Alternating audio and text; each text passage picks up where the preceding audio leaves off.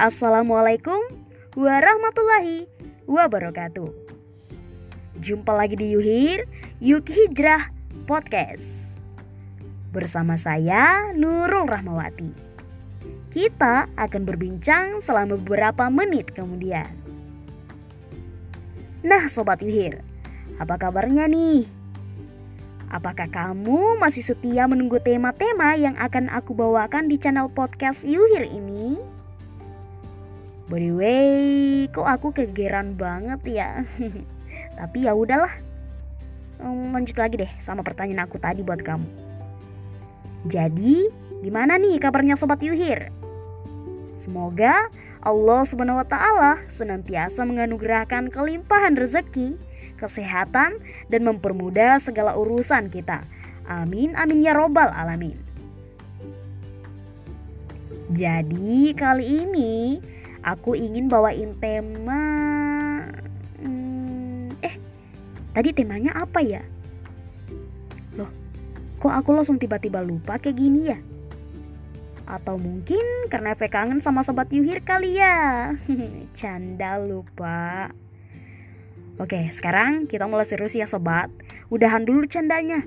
Nanti aja. Simpen dulu buat kenang-kenangan. Iya. Um, Oke sekarang kamu yang serius harus fokus, fokus, trulala. Jadi tema aku kali ini yaitu baru hijrah boleh dakwah. Nah sobat, kalau ada orang yang baru masuk Islam langsung berdakwah itu bagus. Kalau ada orang yang baru hijrah dari kehidupan yang jauh dari hidayah Allah, boleh saja berdakwah. Tentu menyesuaikan dengan ilmu yang dimiliki. Siapa bilang kalau dakwah harus punya banyak ilmu dulu? Enggak sih. Punya satu ilmu ya langsung dakwahkan, amalkan, ngasih tahu ke orang-orang. Oh ya, dakwah itu kan menyampaikan. Apa yang disampaikan? Kebaikan Islam. Kalau tahunya berlevel A, ya sampaikan level A itu ilmunya. Sambil terus belajar, agar makin banyak ilmu didapat. But, kalau ada orang yang nggak suka orang lain dakwah hanya gara-gara yang berdakwah tersebut baru hijrah atau baru masuk Islam, ya tentu aneh aja sih. Mestinya didukung. Syukur-syukur bisa membimbing. Kalau ada dari apa yang disampaikannya salah, ya ingatkan saja. Lebih bagus diberikan kajian khusus agar ilmunya terjaga dan bertambah. Jangan malah dicela, dihujat dan digoblok-goblokin. Maunya apa sih? Sesama muslim lagi. Nyinyir kau dipiara. Kambing dipiara bisa gemuk loh. Oh ya, yang kemarin sempat viral di medsos, ada seseorang yang nyinyir kepada pengguna cadar. Kata dia, ini standarnya dia sebagai orang liberal. Saya tidak habis pikir, cewek-cewek yang pakai cadar itu. Saya aja pakai masker nggak bisa lama-lama. Mereka satu harian memakainya apa nggak bau jigong, bau lecit, atau bau tungkik itu kan cadarnya. Dan parahnya, dikatakan ini perintah Allah. Padahal tak ada di Al-Quran menyuruh cewek pakai cadar. Aneh sekali. Masa Tuhan menyuruh kita menikmati bojigong kita?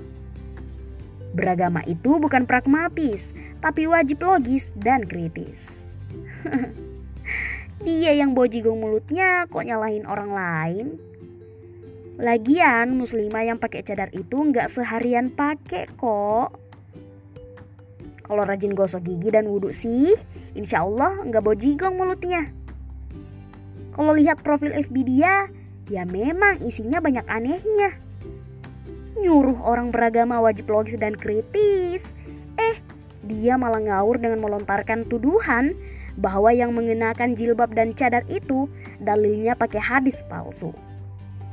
Aduh, asal jeplak aja tuh orang. Padahal jelas di Al-Quran dalil tentang menutup aurat bagi muslimah. Termasuk di dalamnya pakai jilbab. Ada di surat An-Nur ayat 31, surah Al-Azab ayat 59. Mengenakan cadar itu minimal hukumnya sunnah. Kalau menurut mazhab Syafi'i dan Hanbali, mengenakan cadar hukumnya wajib. Apa dia nggak baca literatur fikih ya? Atau sebenarnya dia menutupi kebenaran itu demi memuaskan hawa nafsunya sambil berharap fulus ngalir deras ke rekeningnya dari musuh-musuh Islam karena udah bantu melecehkan ajaran Islam? Ya, bisa jadi. Sobat, Pertarungan antara yang hak dan yang batil, antara kebenaran dan kejahatan akan selalu ada. Dari zaman ke zaman hingga hari ini dan yang akan datang. Buktinya sudah banyak banget kok. Di zaman sekarang orang yang benci Islam bukan cuma dari kalangan orang kafir, tetapi juga malah dari orang yang mengaku dirinya muslim. Kok bisa? Iya, aneh juga ya ngaku muslim tapi benci kaum muslimin dan menghina ajaran Islam. Wah, itu sih kategorinya munafik dong. Iya, emang. Nah, omong-omong, emang gimana sih aturan berdakwah? Apakah benar harus diemban sama mereka yang ilmunya sudah tinggi aja? Gak boleh diemban sama yang baru hijrah. Syiar Islam melalui muslimah yang mengenakan busana syari atau kerudung dan jilbab Plus ada yang mengenakan cadar. Kan bagian dari dakwah juga. Iya kan? Hmm, coba deh sobat meneladani Abu Zar Al-Ghifari. By the way, kamu pernah dengar kisah jadi muslimnya Abu Zar Al-Ghifari? Ya, secara singkat, Abu Zar Al-Ghifari ini begitu bertemu Nabi, ia langsung menyatakan keislamannya. Ikrar dengan baca syahadat, beliau masuk Islam. Setelah itu, Rasulullah Shallallahu Alaihi Wasallam bersabda kepadanya, "Sekarang kembalilah kepada kaummu dan sampaikanlah berita ini kepada mereka sehingga utusanku menemui di sana." Abu Zar menjawab, "Demi zat yang jiwaku ini berada di dalam kekuasaannya, niscaya aku akan menjelaskan secara terang-terangan di hadapan mereka." Kemudian Abu Zar keluar hingga sampai di Masjidil Haram Lalu ia berseru dengan sekuat suaranya. Aku bersaksi bahwa tiada Tuhan selain Allah dan Muhammad adalah utusan Allah. Semua orang bangkit dan memukulinya hingga ia terkapar. Lalu datanglah Al-Abbas menelengkupinya untuk melindunginya dari pukulan orang banyak seraya berkata, Celakalah kalian, tidakkah kalian tahu bahwa dia dari Bani Gifar? Tidakkah kalian tahu bahwa jalur perdagangan kalian ke negeri Syam melalui kampung halamannya? Akhirnya, Al-Abbas berhasil menyelamatkan Abu Zar dari tangan mereka. Kemudian pada keesokan harinya, Abu Zar melakukan hal yang serupa. Maka semua orang memukulinya lagi, tetapi Al-Abbas membelanya. Demikianlah riwayat yang telah dikisahkan oleh Imam Al-Bukhari. Setelah Abu Zar masuk Islam, ia terkenal sebagai orang yang paling jujur dalam berbicara dan paling zuhud atau menjauhi terhadap segala urusan dunia. Menyatakan keislaman di hadapan orang-orang kafir pada masa itu dibutuhkan kebenarannya. Abu Zar melakukannya, hal itu bisa juga dikatakan menyampaikan dakwah menyampaikan kebenaran Islam dan ia menunjukkan keislamannya tersebut kepada orang-orang kafir di sekitar Masjidil Haram. Luar biasa. Dakwah di kampung halamannya juga berhasil. Abu Zar mengajak kaumnya untuk memeluk Islam sebagai agama mereka. Padahal beliau belajar Islam belum banyak saat itu. Jadi setelah hijrah boleh langsung dakwah sesuai dengan ilmu yang dimiliki. Sobat, Keutamaan dan kewajiban dakwah Islam adalah agama dakwah. Salah satu inti dari ajaran Islam memang perintah kepada umatnya untuk berdakwah, yakni mengajak manusia kepada jalan Allah atau tauhid dengan hikmah atau hujah atau argumen. Kepedulian terhadap dakwah jugalah yang menjadi tradermark seorang muslim. Artinya, orang mukmin yang cuek terhadap dakwah berarti bukan mukmin sejati, apa iya kita tega jika ada teman kita yang berbuat maksiat tapi kita diamkan saja?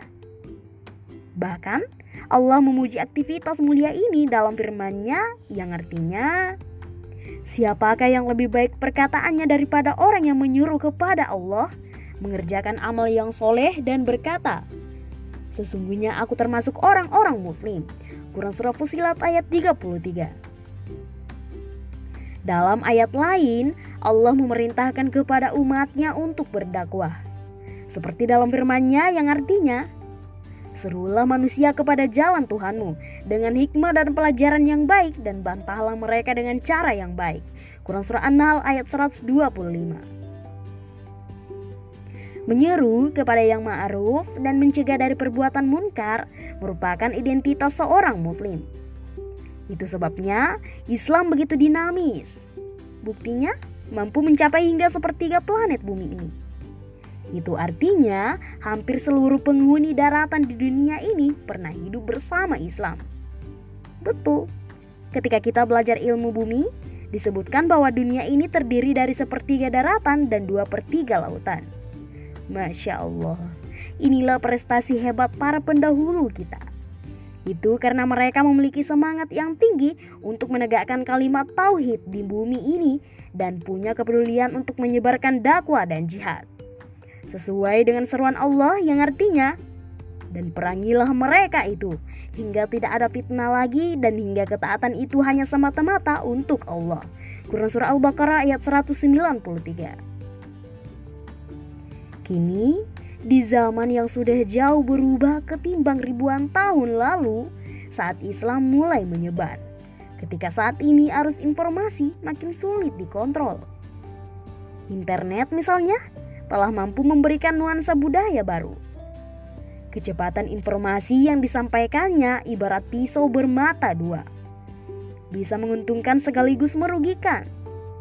Celakanya, Ternyata banyak di antara kita yang harus mengurut dada lama-lama. Bahwa kenyataan yang harus kita hadapi dan rasakan adalah lunturnya nilai-nilai ajaran Islam kita. Tentu, ini akibat informasi rusak yang telah meracuni pikiran dan perasaan kita.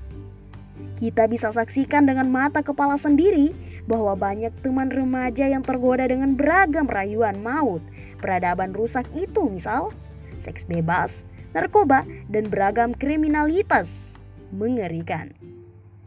Nah, sobat pendengar setia Yuhir, Islam membutuhkan tenaga, harta, dan bahkan nyawa kita untuk menegakkan agama Allah ini. Itu sebabnya, melalui aktivitas dakwah yang kita lakukan, maka kerusakan yang tengah berlangsung ini masih mungkin untuk dihentikan. Bahkan kita mampu untuk membangun kembali dan mengokohkan Tentu, semua ini bergantung kepada partisipasi kita dalam dakwah ini. Bagi para pemula seperti kita ini yang baru hijrah, termasuk para mu'alaf, tentunya menyesuaikan dakwanya dengan kemampuan ilmu yang dimiliki saat ini. Sambil terus belajar agar ilmu kian bertambah. Tetap berdakwah, apalagi sebagai publik figur, tunjukkan bahwa diri sudah hijrah dan berubah serta aktif berdakwah. Jangan lupa bergaul dengan banyak pihak, khususnya para ustaz dan ulama, agar ilmu agama kian bertambah. Betul, semua kalangan harus aktif berdakwah. Jika tidak, maksiat akan tetap merajalela. Coba, apa kita tidak merasa risih dengan maraknya pergaulan bebas di kalangan remaja dan juga orang tua? Apa kita tidak merasa was-was dengan tingkat kriminalitas pelajar dan tentunya orang dewasa yang makin meroket saja? Apa kita tidak merasa kesal melihat tingkah remaja yang hidupnya tak dilandasi dengan ajaran Islam? Seharusnya, masalah-masalah seperti inilah yang menjadi persoalan kita siang dan malam. Beban yang seharusnya bisa mengambil jatah porsi makan kita, beban yang seharusnya menggerogoti waktu istirahat kita, dan beban yang senantiasa membuat pikiran dan perasaan kita tidak tenang jika belum berbuat untuk menyadarkan sesama dengan dakwah ini. Itu sebabnya kita sebisa mungkin melakukan aktivitas mulia ini sebagai bukti kasih sayang kita kepada saudara yang lain. Rasulullah Shallallahu Alaihi Wasallam bersabda, Perumpamaan keadaan suatu kaum atau masyarakat yang menjaga batasan hukum-hukum Allah atau mencegah kemungkaran adalah ibarat satu rombongan yang naik sebuah kapal. Lalu mereka membagi tempat duduknya masing-masing. Ada yang di bagian atas dan sebagian di bagian bawah. Dan bila ada orang yang di bagian bawah akan mengambil air, maka ia harus melewati orang yang duduk di bagian atasnya. Sehingga orang yang di bawah tadi berkata, Seandainya aku melubangi tempat duduk milikku sendiri untuk mendapatkan air, tentu aku tidak mengganggu orang lain di atas. Bila mereka para penumpang lain membiarkannya, tentu mereka semua akan binasa. Hadis riwayat Bukhari. Untuk ke arah sana, tentu membutuhkan kerjasama yang solid di antara kita. Baik yang baru hijrah, mu'alaf, awam, ustaz, sampai ulama. Jika kita ingin cepat membereskan berbagai persoalan, tentu butuh kerjasama yang apik, solid, dan fokus pada masalah. Pemikiran dan perasaan di antara kita harus disatukan dengan ikatan akidah Islam yang lurus dan benar. Kita harus satu persepsi, bahwa Islam harus tegak di muka bumi ini. Kita harus memiliki cita-cita bahwa Islam harus menjadi nomor satu di dunia untuk mengalahkan segala bentuk kekufuran. Itulah di antaranya alasan kenapa kita wajib berdakwah, menaruh peduli, dan tentunya menyiapkannya dengan benar dan baik.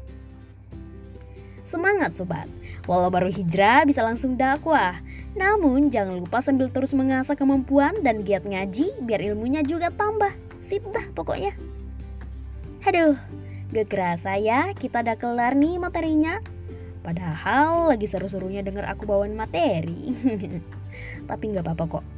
Kalau kamu pengen lagi denger podcast aku, kamu ikuti channel podcast Yuhir ini ya. Biar nanti kalau ada tema baru aku bisa langsung otomatis nongol di layar HP kamu. hmm, sampai jumpa lagi ya Sobat Yuhir. Tunggu tema selanjutnya. Dadah. Wassalamualaikum warahmatullahi wabarakatuh.